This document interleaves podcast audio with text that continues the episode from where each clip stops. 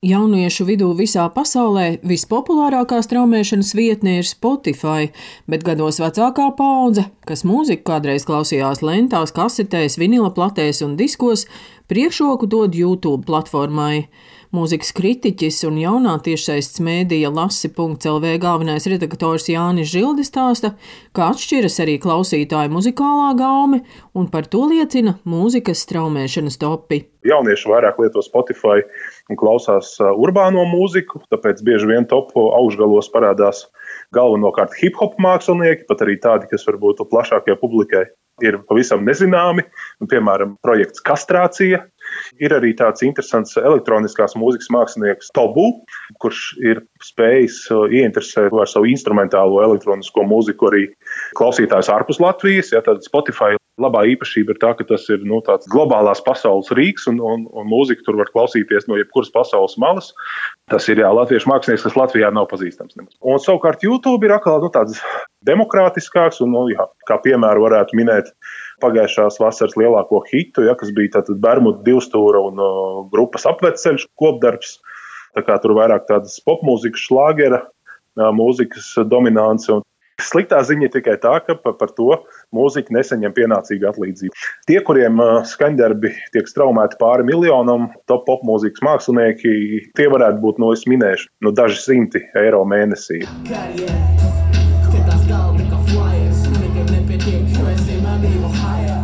Latvijas Rādio 5LV programmu vadītāju un mūziķi Martu Grigali sastopu radio studijā. Viņa stāsta, ka jaunos mūzikas albumus prezentē digitālajā vidē un pati ir aktīva Spotify lietotāja. Godīgi sakot, Latvijā ir tik mazs tirgus, mums ir tik maz.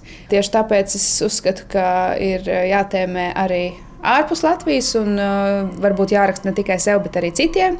Man ir pilnīgi tāds jauns posms arī dzīvē sācies, milzīga iedvesma, jo nesen es biju dziesmu rakstīšanas nometnē Bulgārijā, un tagad viena manas rakstīta dziesma jau būs tūlīt uh, Bulgāru vienai no lielākajām zvaigznēm vasaras hits, un es sapratu, hei, īstenībā to var darīt. Vienkārši vajag uh, bliest un nebaidīties un meklēt kontaktus un iespējas. Jānis Žilde, mūzikas kritiķis, man gan teica, ka nu, šajās platformās nopelnīt var tādas nu, milzīgas zvaigznes, tur uh, Adele, Swifta, kurām ir desmit miljonu liela auditorija. Cik liela auditorija jūs cerat?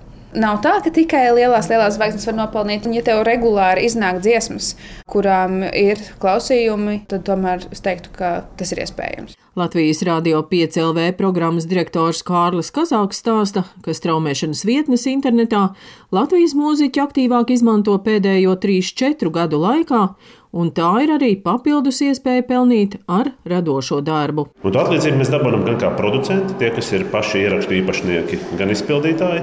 Arī autortiesības internets maksā. Tās reāli saņems tikai tie Latvijas autori, kuri būs sakalā reģistrējuši tiesības pārstāvēt viņu darbus internetā.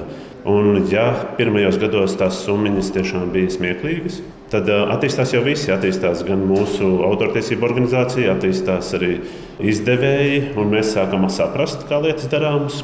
Protams, ka tas ne tuvu vēl nav tas, cik mūziķi saņem no raidstacijām, no kafejnīcām par publisku atskaņojumu.